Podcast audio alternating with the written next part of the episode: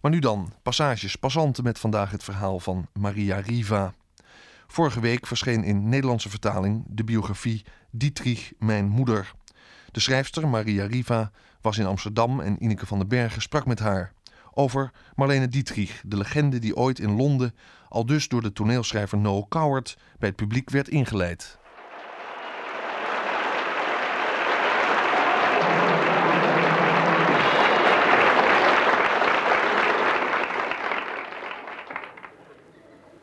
We know God made trees and the birds and the bees and seas for the fishes to swim in. We are also aware that he had quite a flair for creating exceptional women. when Eve said to Adam, Start calling me madam,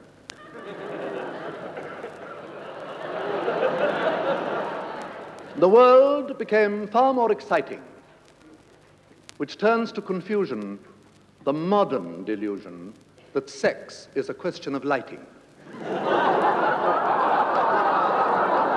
For female allure, whether pure or impure, has seldom reported a failure. As I know and you know, from Venus and Juno right down to La Damo Camellia. This glamour, it seems, is a substance of dreams to the most imperceptive perceiver. The serpent of Nile could achieve with a smile far quicker results than Geneva.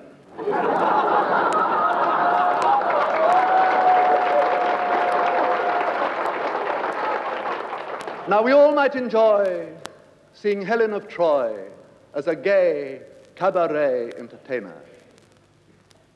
I doubt that she could be one quarter as good as our legendary, lovely Marlena.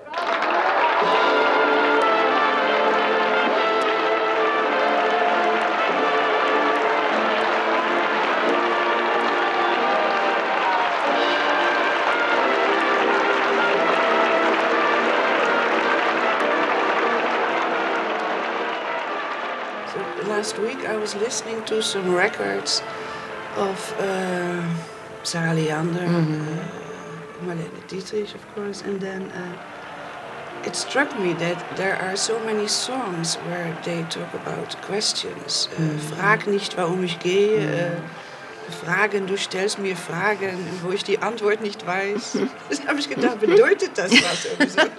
no, I think that's mostly German sentimentality, you know, Schlager. uh, what they used to be known as. Uh, uh, my mother always called them um, maid songs. There was also the uh, kind of uh, backstairs maids. Uh, that's her quote, not mine. Um, that used to do ironing songs. When they ironed, they used to sing and uh, there was a whole set of songs, very funny, very much like the uh, romantic uh, paperbacks, very much Barbara Cartland kind of things, you know of he left me and uh, I'll never uh, see happiness again, and I cry and I cry and I cry, and it sort of helps the ironing, you know, it's that same motion. the rhythm is the same. And uh, it, my mother always made fun of uh, those type of things, and yet she really liked the schmaltz very much. She sang it very well. Uh, Frag nicht warum is, uh, is certainly a very melodious kind of um, um, yearning, uh, Weltschmerz kind of song, and she sang it extremely well. She sang it like Taube because she learned it from Richard Taube, but uh, it was her genre. Here's a song that was the favorite song of a great friend of mine. He was a great singer and a great musician. Richard Taube. It's a song of goodbye and of tears and of long parting. Don't ask me why I cry. Frag nicht, warum ich gehe. Frag nicht, warum. was immer auch geschehe, frag mich warum. Ich kann dir nur mehr sagen,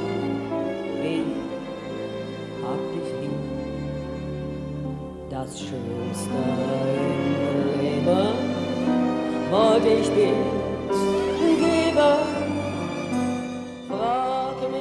Ik heb altijd geweten dat mijn moeder bijzonder was.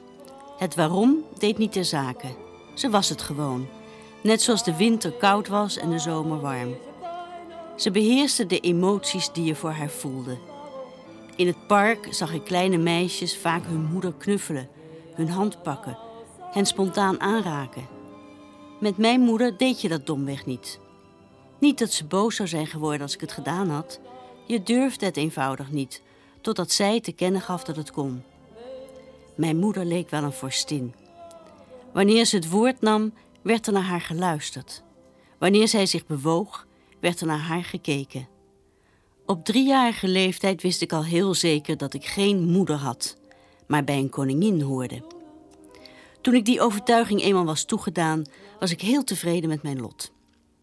Pas veel later verlangde ik naar een echte moeder, zoals echte mensen die hadden.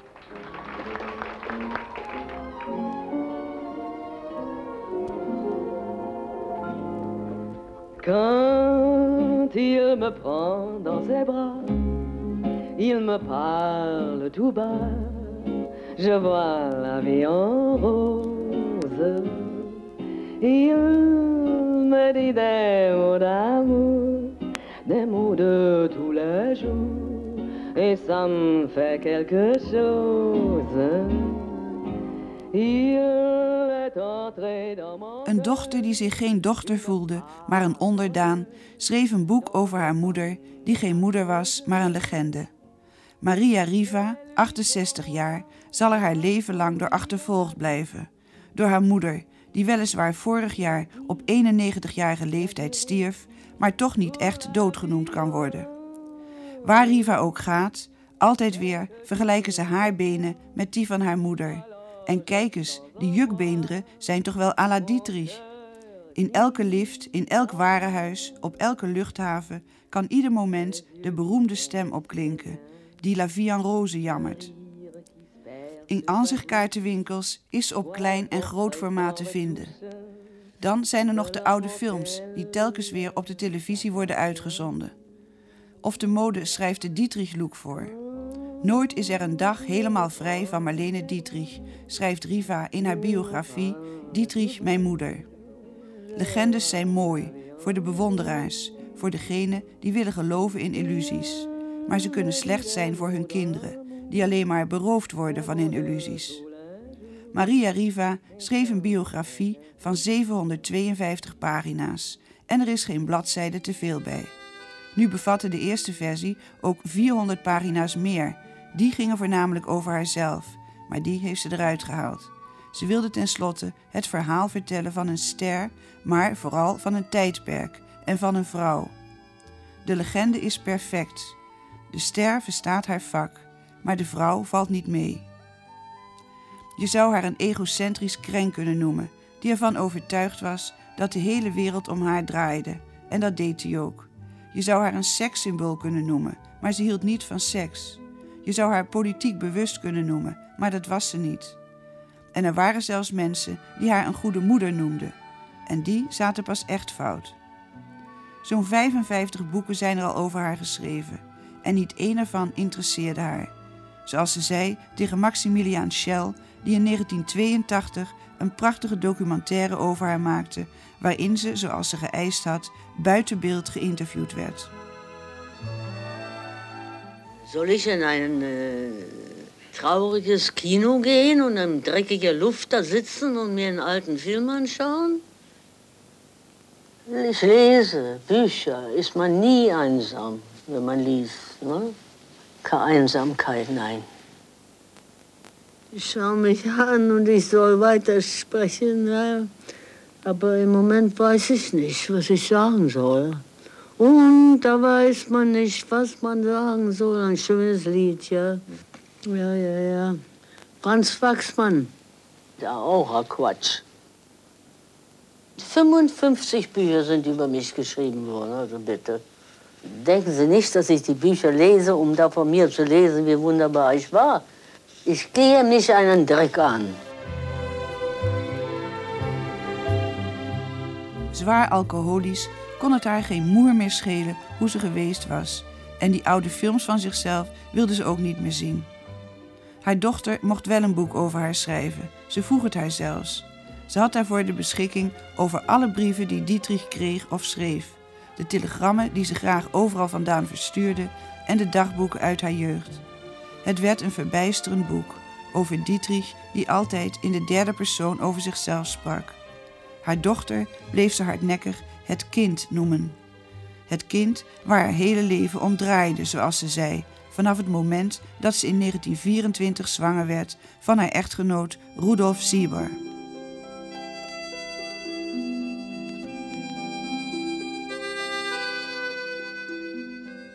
Marlene Sieber vond het heerlijk om zwanger te zijn.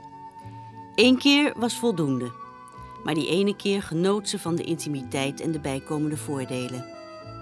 Geen seksuele contacten meer, kreeg haar echtgenoot te horen. Marlene had aan gloedvolle romantiek altijd al de voorkeur gegeven boven feitelijke seks en was alleen met haar man naar bed gegaan omdat ze dat haar echtelijke plicht achtte. Nu werd seks door haar uit hun huwelijk geschrapt met het excuus dat de liefdesdaad hun ongeboren kind kwaad kon berokkenen. Haar man hield van haar en ging akkoord met alles wat zij het beste achtte. Tegen de tijd dat hij besefte wat ze had gedaan en waarom, was het te laat om haar nog van koers te laten veranderen. Hoewel ze meer dan 50 jaar getrouwd bleven en soms samenwoonden, kwam er een einde aan hun lichamelijke relatie op de dag dat Marlene wist dat ze in verwachting was. Toen ze beviel, had ze zichzelf ervan overtuigd dat haar kind haar eigen creatie was. Iets zo vulgairs als sperma was er niet aan te pas gekomen. Zij, en zij alleen, had haar kind naar haar eigen beeld en gelijkenis gevormd. Het kind was van haar, verkregen door een onbevlekte ontvangenis. Marlene beviel, anders dan toen de gewoonte was, niet thuis. Haar dochter werd geboren in de meest vooraanstaande privékliniek van Berlijn onder leiding van een beroemde professor in de gynaecologie. Oh, wat heb ik een pijn gehad. Hij moest daar beneden knippen om jou uit mijn buik te halen. Daarom had je zo'n mooi hoofdje. Dat heb ik vanaf mijn tweede jaar vaak gehoord. De herinneringen aan die zware bevalling en de decoratieve, delicate uitputting van een jonge moeder zou ze later perfect weten te gebruiken voor haar rol in The Scarlet Empress.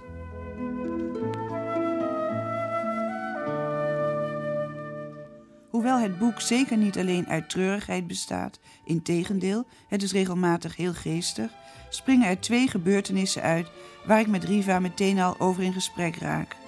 Haar vader had een maîtresse, Tami, aan wie het boek onder meer is opgedragen.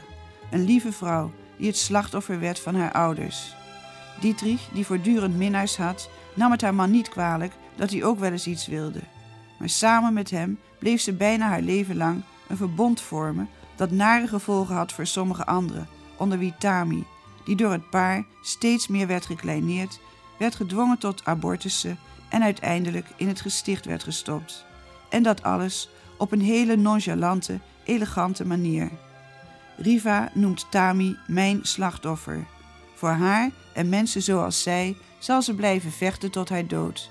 Niemand, hoe beroemd of machtig of mooi ook, heeft het recht liefde te nemen en te schenden, zegt ze. Oh yes, she was the true victim. She didn't survive. And um, it's always been, I loved her dearly. She was the epitome of all that we think of in childish love the trust, the vulnerability, the true loving nature of someone who has absolutely no deceit whatsoever. Uh, really, the innocence of love. And um, she was used. That love was taken, accepted, uh, warped, killed, and rejected. And I think no one, no matter how famous they may be, or powerful or beautiful, has the right to take love and desecrate it and kill off the giver with such nonchalant elegance. And uh, that's one of my cries in the dark. And uh, every time I think of her, I, uh, she's my victim. She is, she's the one I'll fight for till my death, and people like her, and you, and I won't allow them to do to her what is being done to a lot of other people in the guise of fame.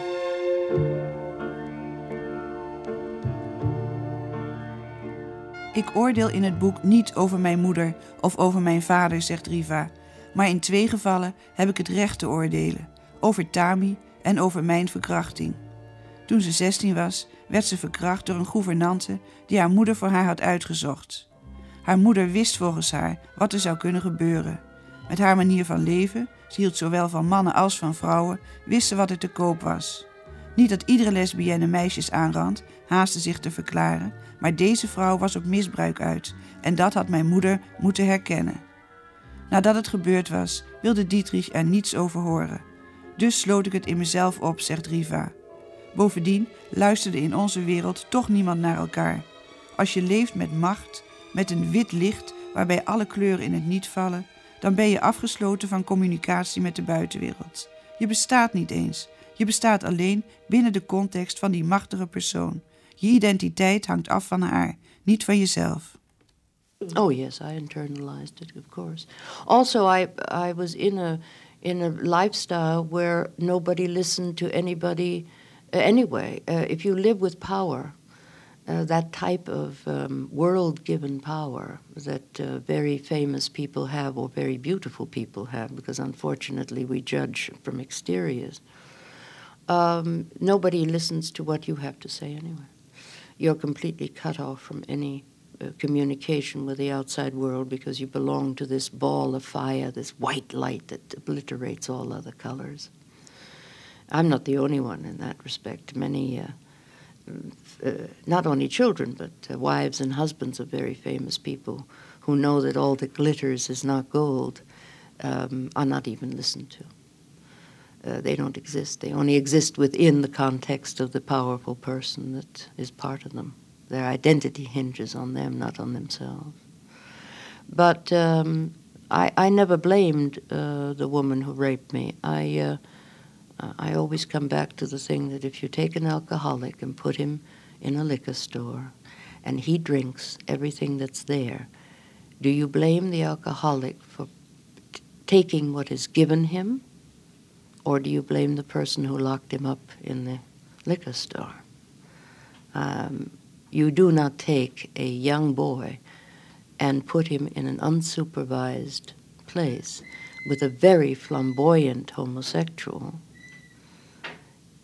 You neither take a young girl with a very flamboyant lesbian and lock her up in a place with no supervision. Even the most innocent of parent who is not a um, who's not knowledgeable about that type of world would do that. And you certainly couldn't say that my mother was innocent of that particular lifestyle.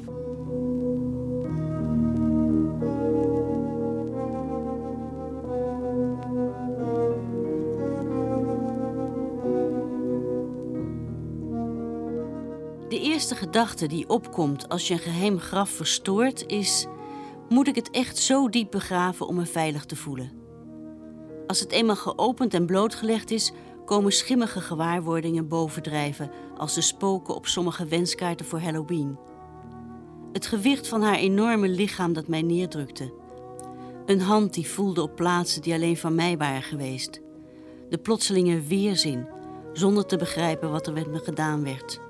De kou, die vreselijke, vreselijke kou waardoor het beven begon, waardoor het hart bijna ophield te kloppen, dat de zwijgende schreeuw verstikte die ik hardop dacht te horen.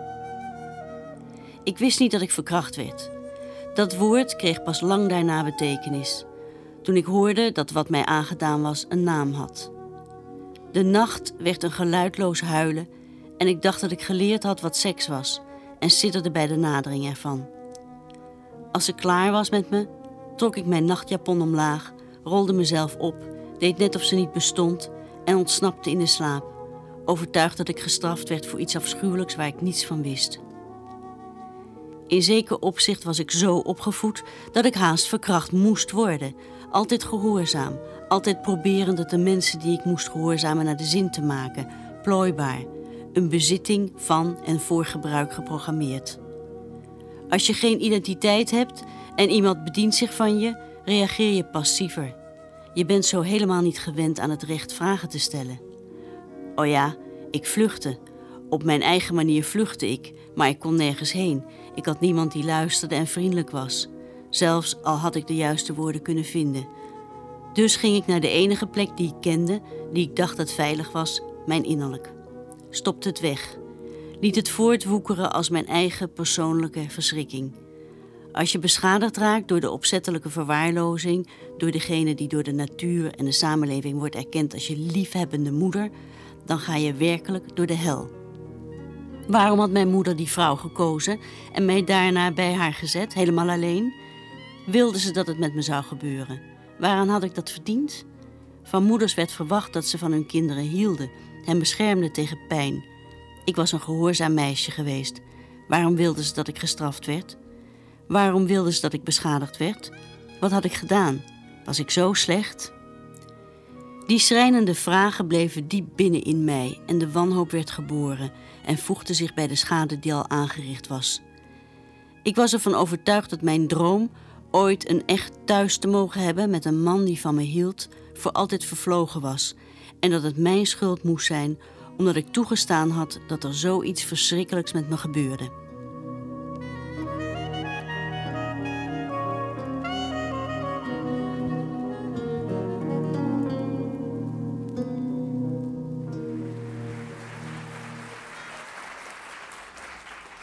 It's a song by Charles Trenet. It became a beautiful love song in the English translation. I also sing it as a love song, but as a love song sung to a child.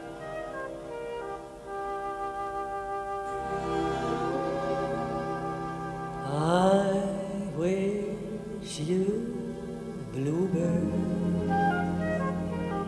in the spring to give your heart a song to sing and then a kiss.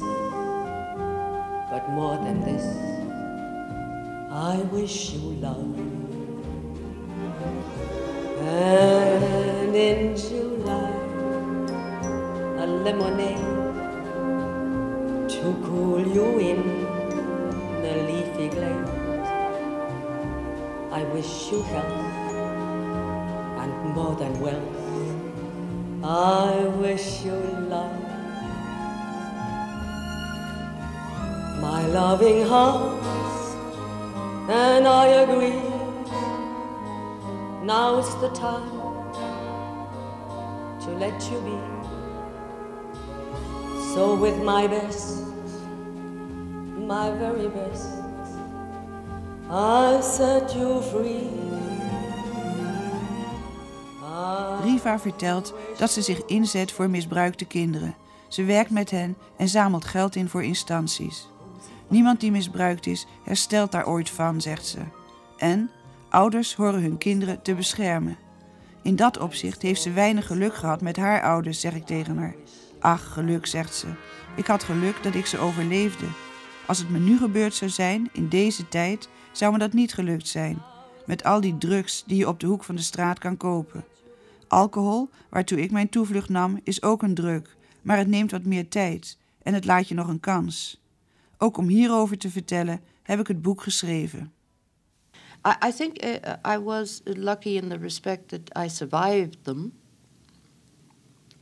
Uh, I certainly think that if I had, uh, if it had happened to me now in our culture of today, I would not, because um, we have crack and we have chemicals out on the street corners that one can escape into and with, and they are destructive so quickly that before you can mature or before you even have a chance to think maybe I'll turn back or to look for help outside of your own despair, you are, have already been damaged chemically to a point where you may not be able to save yourself. So our times now are much m- more dangerous. Alcohol is also a drug, but it takes a little longer and it gives you a chance. But it is uh, also uh, just as lethal a drug if you use it as a form of escape, as all things are. All things that you use as crutches to escape reality are dangerous because there may come a time when you no longer know what reality is or what the escape is. And um, it's, uh, I wanted to write this book for more reasons than a movie star, as you by now have found out. it's important to me. It's, uh, I think those of us who have seen it, who have lived it, who know what dangers there are out there for people who believe in fairy tales, um, we have to speak out. We have to point the finger. It's important, not just for movie stars, but it's important politically as well.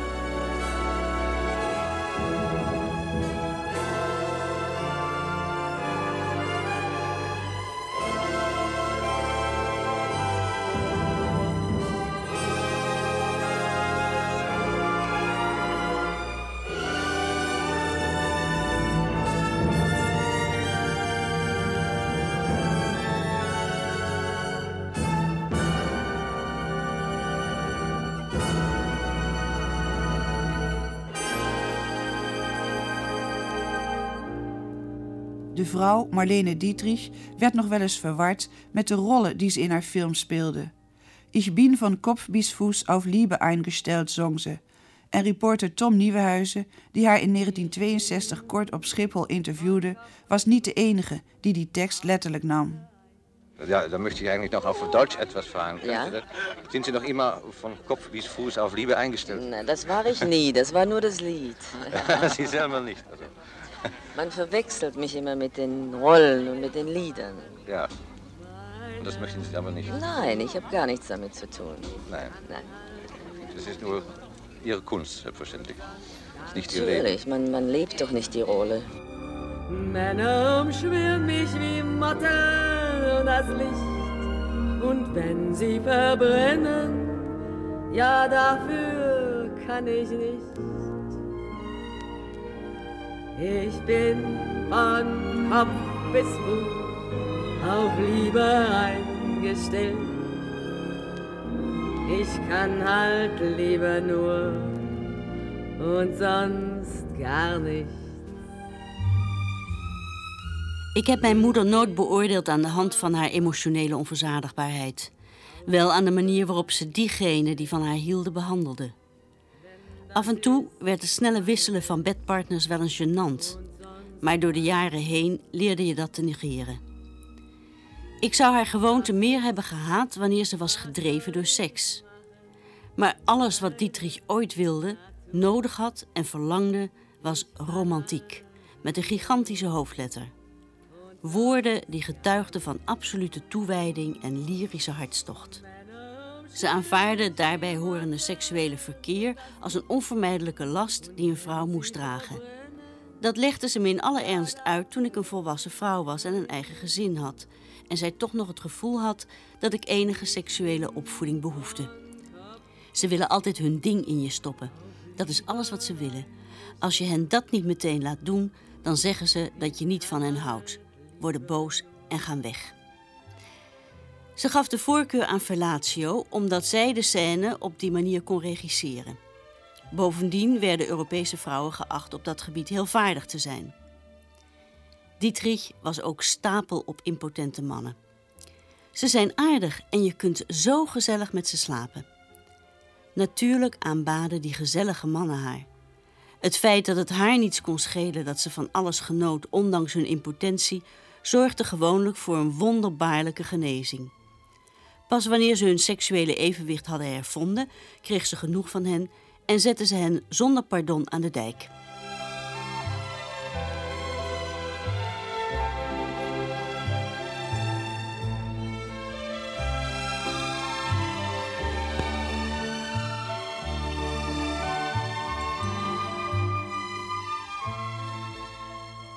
Ondanks haar afkeer van seks had Dietrich ontelbare verhoudingen. Op seksueel gebied deed ze haar plicht als een soldaat. Voor sommige beroemdheden viel ze letterlijk op haar knieën. Van Jozef van Sternberg tot Jean Gabin, ze werkte ze allemaal af, met daartussendoor verhoudingen met vrouwen. Alleen van Joel Brinner kon ze wel eens echt gehouden hebben, maar het blijft gissen. Maria Riva is altijd gefascineerd geweest door de interessante paradox in haar moeder. Feministe avant de lettres en volgzaam vrouwtje, intelligent en bijgelovig. Toen Riva ooit, terwijl ze zwanger was, een televisieshow presenteerde met gehandicapte kinderen, kreeg ze van Dietrich de wind van voren. Hoe ze haar ongeboren kind aan dat risico had durven blootstellen. Het kon wel eens ongelukkig worden. Het lijkt wel of ze op het randje van schizofrenie balanceerde, zegt Riva voorzichtig. Als ze zomaar een mevrouw was geweest die in een dorp woonde, was ze misschien wel in een inrichting gestopt. Die dunne lijn geldt trouwens voor veel grote sterren met magnetische kracht, met het onverklaarbare verschijnsel dat we charisma noemen. Well, there again is that interesting paradox of this woman, uh, who was so many women in one frame that uh, they were all contradictions within themselves. Uh, I always bring out this this thing that fascinated me that this woman who was uh, the leader of emancipation to so many women that in the early 30s in a in sort of the structure of America, which is uh, you can't be more uh, um, hypocritical than the American culture is as far as the, the freedom of the sexes. Um, that uh, she wore trousers and uh, told her husband what she wanted, made her own money, and was the independent, self sufficient, self earning uh, woman, and in the other hand said, "Oh, in her own words, you have to go to bed with men, you know, because if you don't, they'll leave you," which is the most feminine, most Victorian attitude, you know. But this this paradox in this woman, and there again, this this. Uh, intelligent, uh, world traveled, uh, uh, this woman that associates with the most brilliant brains of her time and feels unequal to them uh, who then has that superstition that if you look at a crippled child while you're pregnant, your fetus will be affected by it, which really goes back to the Middle Ages. You know, it's uh, it's this type of absolute, practically diabolical paradox that was that was capable, that she was capable of, without being aware of it. I once referred in an interview, God help me, uh, to the fact that it was practically schizophrenic. And immediately the papers picked it up to say that I said my mother was a schizophrenic.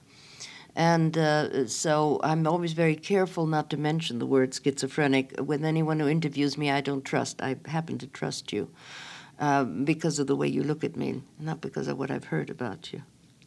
Um, because um, I go by what's in the eyes, not by what people tell me. Uh, but the thing is that it's um, it, it, was on the on the edge of schizophrenia. It really was. And uh, again, I said it and I was lambasted for it, but then I'm used to being lambasted. Uh, if she had been Mrs. Glutz in a small village, she might have been put away. But then m- many stars, if they were Mr. or Mrs. Glutz in a small village, would be put away it's part of that uh, slight tinge of madness that perhaps belongs to that um, magnetic power. Some very great actors who are, uh, have it, you know, who have that, carry it with them on the stage and electrify certain parts. Um, and I suppose it's part of what that magic that nobody knows how to bottle. Because if we could bottle it, wouldn't we be in in, in the seat of power? but no one really knows what charisma is. Er zijn mensen die zeggen dat Riva de legende heeft vermoord, maar dat vindt ze zelf niet. De legende, de mythe is één ding, de vrouw erachter een ander. Dat onderscheid moet je wel maken. Legendes, mensen met charisma, of het nu filmsterren zijn, politici of godsdienstige leiders, het zijn geen goden. Je hoeft er niet blind te volgen, dat is alleen maar gevaarlijk. Dietrich heeft er haar hele leven aan gewijd om de legende in stand te houden, tot ze uiteindelijk niet meer wist hoe ze anders zou moeten leven. Dat was haar tragedie, zegt Riva. Uh, people have tried to say to me that I killed the legend. No way. We're still talking about her. Um, her, uh, I think this book probably will uh, f- uh, further the legend of the s- screen star, and that is uh, all right. It's simply the uh, the woman behind it that um, one must make the, the differentiation between the two. Legends are fine, myths are fine, movie stars are okay, but gods they're not. And um, one has to make that division, and sometimes that division gets very murky. Those edges, you know. Hitler's are made that way.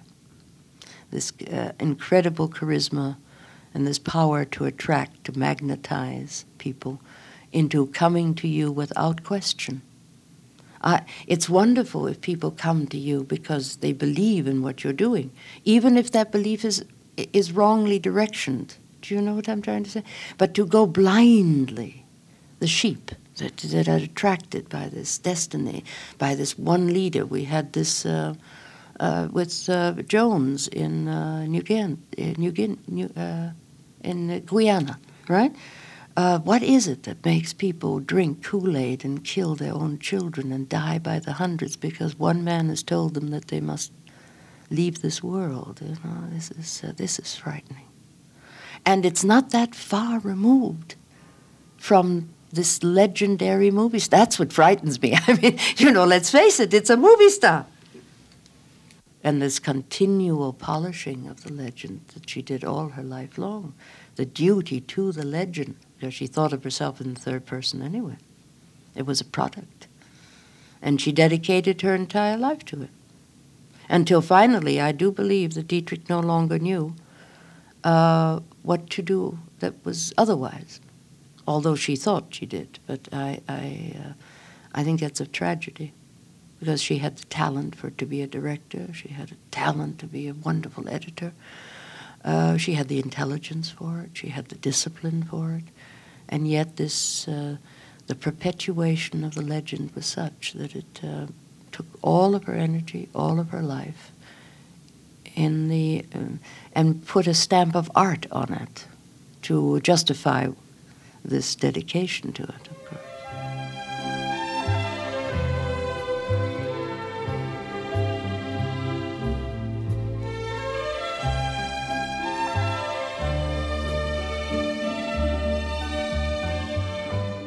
Zoals eerder gezegd, Dietrich was niet politiek bewust. Ze volgde in deze de raadgevingen van haar man, die al vroeg zag dat het in Duitsland helemaal verkeerd ging.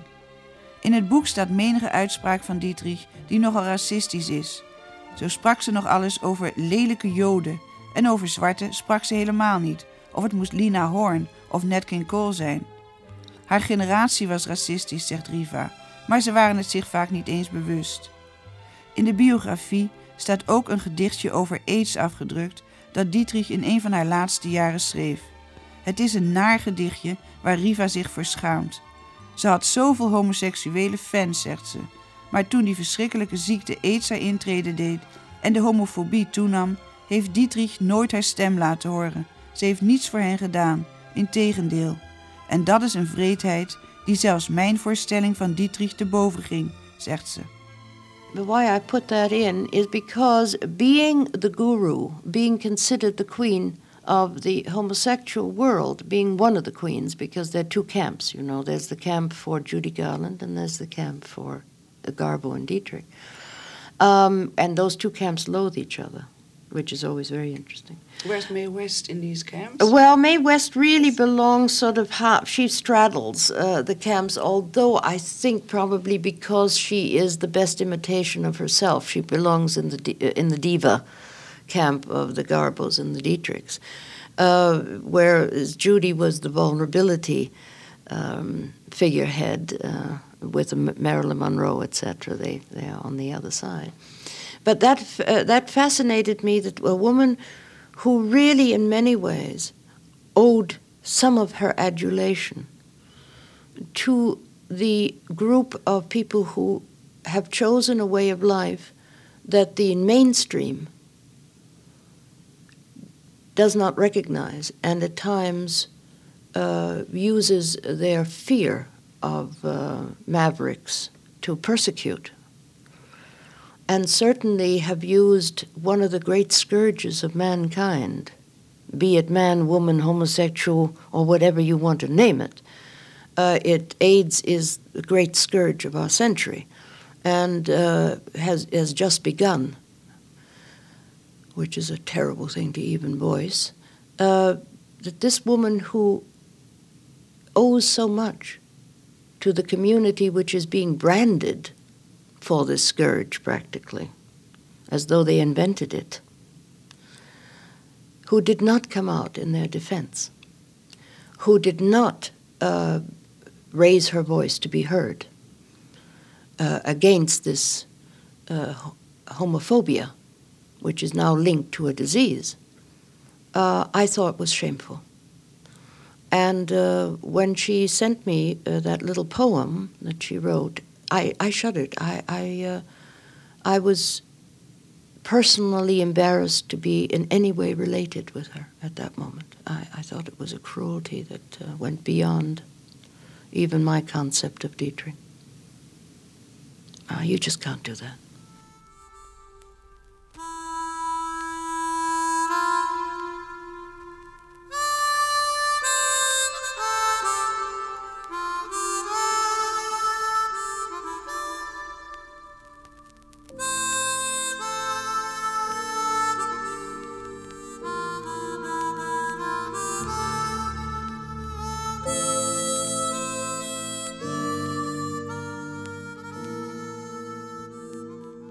Langzaam vervreemde ze van de weinige vrienden die hun herinnering aan haar trouw gebleven waren, totdat ook zij het opgaven, om te redden wat er nog over was van hun eigen zenuwen.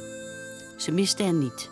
Ze had haar fans, dat bataljon dweperige lesbiennes en homo's en haar boodschappenjongens, de conciërges van haar gebouw, die voor buitensporige fooien tussen hun diensten door dingen voor haar haalden en boodschappen deden. Ondanks al die sterke drank en de drugs behield mijn moeder in de tussenperiodes dat ze helder was, de scherpe geest die de wereld betoverd en geboeid had. Hoewel haar meningen, haar leeftijd, haar ego en teutoonse achtergrond weerspiegelde, verloor haar geest nooit het onderzoekende.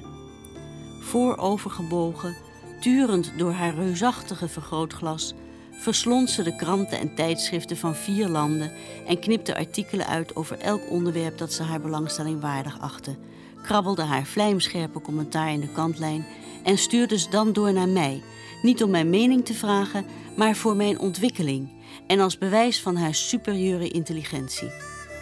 Ze had iets te zeggen over alles, als altijd negatief, kritisch, vreed, vaak lelijk. Verhalen over aids boeiden haar in het bijzonder omdat het merendeel van haar fanmail afkomstig was van homoseksuelen, ontwikkelde ze de theorie dat ze besmet zou kunnen worden door hun brieven te openen. Ze stuurde me een gedicht dat ze over het onderwerp schreef en zei dat ik er een hoop geld voor zou kunnen krijgen als zij dood was. AIDS. Mijn moeder stierf aan AIDS. Ze kreeg het van de post. Dat is nieuws. Ze was spijkerhard, maar AIDS was harder vooral per post. Ze raakte niemand aan, alleen de post. En ze kreeg aids, mijn moeder. Spring niet uit je vel, maar nieuws is het wel. Ich werde dich lieben, werd dich lieben bis zum Tod, werd dich lieben bis ans Ende der Welt. Die Menschen werden vergessen und lieben, doch ich werde dich lieben bis zum Tod. Eerbetoon en liefde. Dietrich wist het verschil niet, zegt haar dochter. Ze aanvaarde eerbetoon en dacht dat het liefde was. Ze vond zichzelf een expert in de liefde, een autoriteit die anderen raad kon geven. Ze dacht ook dat ze op perfecte wijze een kind had grootgebracht. Ze was nog net niet de maagd Maria, maar ze was er niet ver vanaf. En de wereld geloofde het. In haar boek beschrijft Riva ook de leuke kanten van haar moeder en van haar jeugd. De reizen, de verblijven in Amerika, de studio's en de beroemdheden. Geestig is het ook als ze beschrijft hoe haar moeder de wereld rondtrok met spuitbussen bij zich om iedere wc-bril vrij te maken van smetten. En hoe achterloos ze omging met alle bloemen die ze overal weer kreeg. Ze hield namelijk alleen van rode geraniums. En hoe ze regelmatig in de keuken stond om grote, degelijke maaltijden te bereiden. Haar snierende opmerkingen over mensen waren vaak bijzonder geestig. Riva is niet bitter over haar moeder, maar verwijt haar wel dat ze zichzelf aan het eind van haar leven op een onaangename en langzame manier de dood heeft ingejaagd. En daar anderen, haar familie, over wie ze bijna voortdurend slecht sprak, getuige van heeft laten zijn. Haar laatste rol, eenzaam, verhongerd en in de steek gelaten, wilde ze sterven. Hoewel ze de laatste tien jaar van haar leven nauwelijks interviews meer gaf, stond ze, ook al omdat ze het geld kon gebruiken en op aanraden van haar dochter, in 1982 Maximiliaan Schell een interview toe, buiten beeld. Ze klaagt, spot, is hatelijk en sentimenteel. Vooral aan het eind van de documentaire, waarin Shell met haar het lievelingsgedicht van haar moeder leest. Heb lief zolang je kunt liefhebben. Heb lief zolang je liefde wilt geven. Eens komt het uur dat je voor graven staat en klaagt. En wie zich voor je openstelt, geef hem liefde, geef hem vreugde en doe hem nimmer verdriet. Bedwing je tong, een lelijk woord is gauw gezegd. O God, het was niet kwaad bedoeld, maar klagend gaat de ander heen. Dan huil je bij zijn graf. Vergeef me dat ik je heb gekrenkt. O God, het was niet kwaad bedoeld.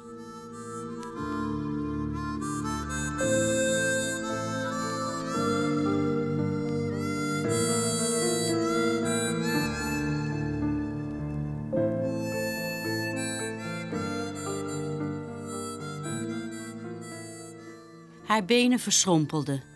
Haar haar in een dronken opwelling in het wilde weg kortgeknipt met een nagelschaartje en geverfd is roestig roze met vuilwitte onbehandelde plekken ertussen.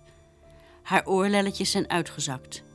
De tanden, waarop ze zo trots is omdat ze allemaal nog van haarzelf zijn, zijn zwart geworden en gescheurd. Haar linkeroog is verdoft door een staar die ze weigert te laten behandelen. Haar eens doorschijnende huid is perkament. Om haar heen hangt een geur van drank en menselijk verval.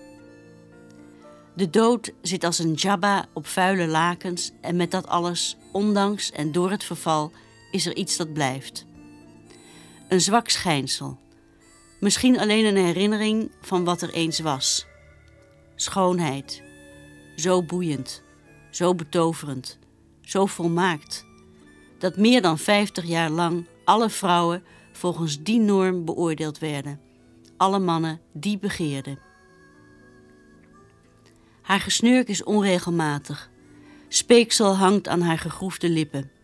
Ze ligt als een foetus, de benige handen omvatten ingevallen wangen. Haar latmagere benen hoog opgetrokken tegen haar zwakke lichaam. Ze ligt alsof ze bang is geboren te worden en nog weer een dag te moeten doorleven.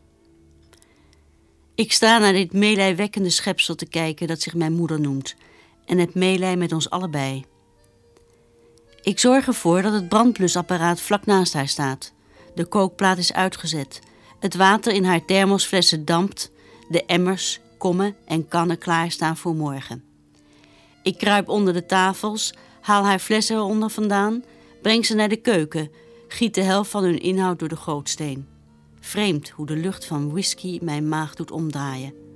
Vul de flessen tot de oorspronkelijke hoogte met water bij, schud ze en zet ze terug waar zij ze verstopt had. Zelfs als ik niet bij haar ben, verbergt ze haar drankzucht voor zichzelf, de definitieve zelfmisleiding van een verloren alcoholiste. Ik kijk nog eens om ervan te overtuigen dat ze nog ademt. Ik ga weg met de deur op een kier zoals bevolen. Ik sta daar en kijk naar de georganiseerde doodsheid van haar eigendommen.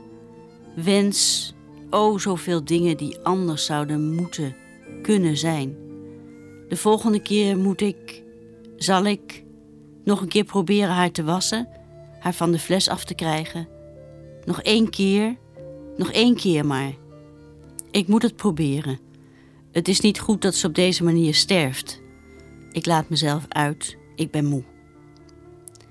De Parijse lucht is fris en zuiver.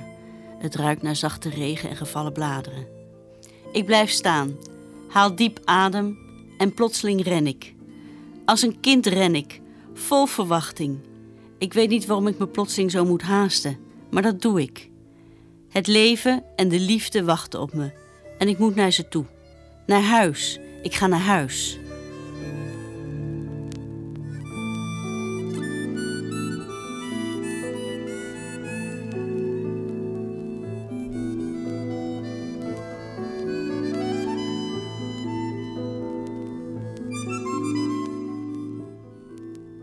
I I had pity for her. I um, um, I thought what a what a sad creature, and uh, what she did to herself. I, I had the pity of anyone who kills themselves slowly, in view, and then asks those people that uh, that they are supposed to love uh, to witness it. Uh, I think that is a tragic need. You might call it self punishment, you might call it punishment of those who have to witness it, but uh, whatever it is, it's an indulgence beyond uh, a necessity. I think everyone has a right to take their own life if they have no one that, uh, no children, no wives, no husbands, no family. Uh, and even then, if they come to terms or can't come to terms with their reality, and their God, they have a right to do so, but do it quickly. When the end comes, I know they'll say just a gigolo, and life goes on without me. Just a gigolo. O lieb, Solange du lieben kannst, o lieb, solange du lieben magst, die Stunde kommt, die Stunde kommt. wo du an Gräbern stehst und klagst. Und wer dir seine Brust erschließt, o tu ihm, was du kannst, zu lieb, und mach ihm jede Stunde froh und mach ihm Nein, keine Stunde. Trüb. und hüte deine Zunge wohl, bald ist ein böses Wort gesagt. O Gott, es war nicht bös gemeint. Der, Der andere geht und klagt.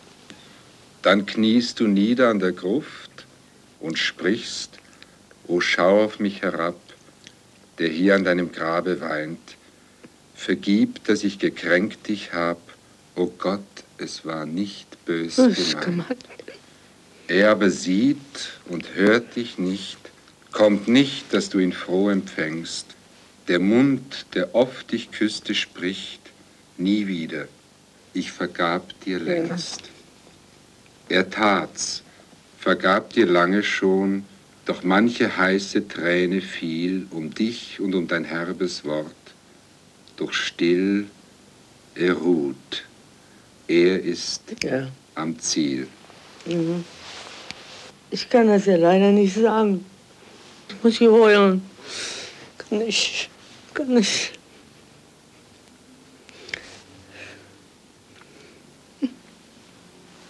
Gut, schon gut.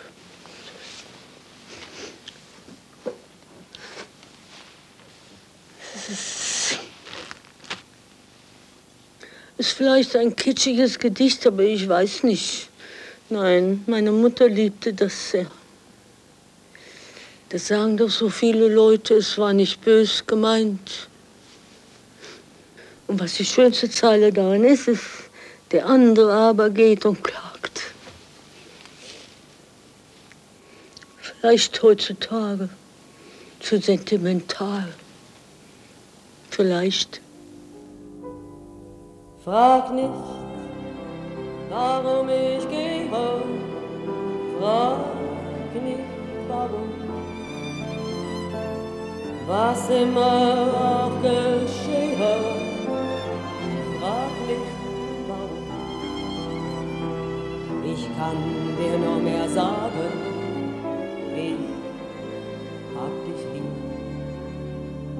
Das Schönste im Leben. Wollte ich dir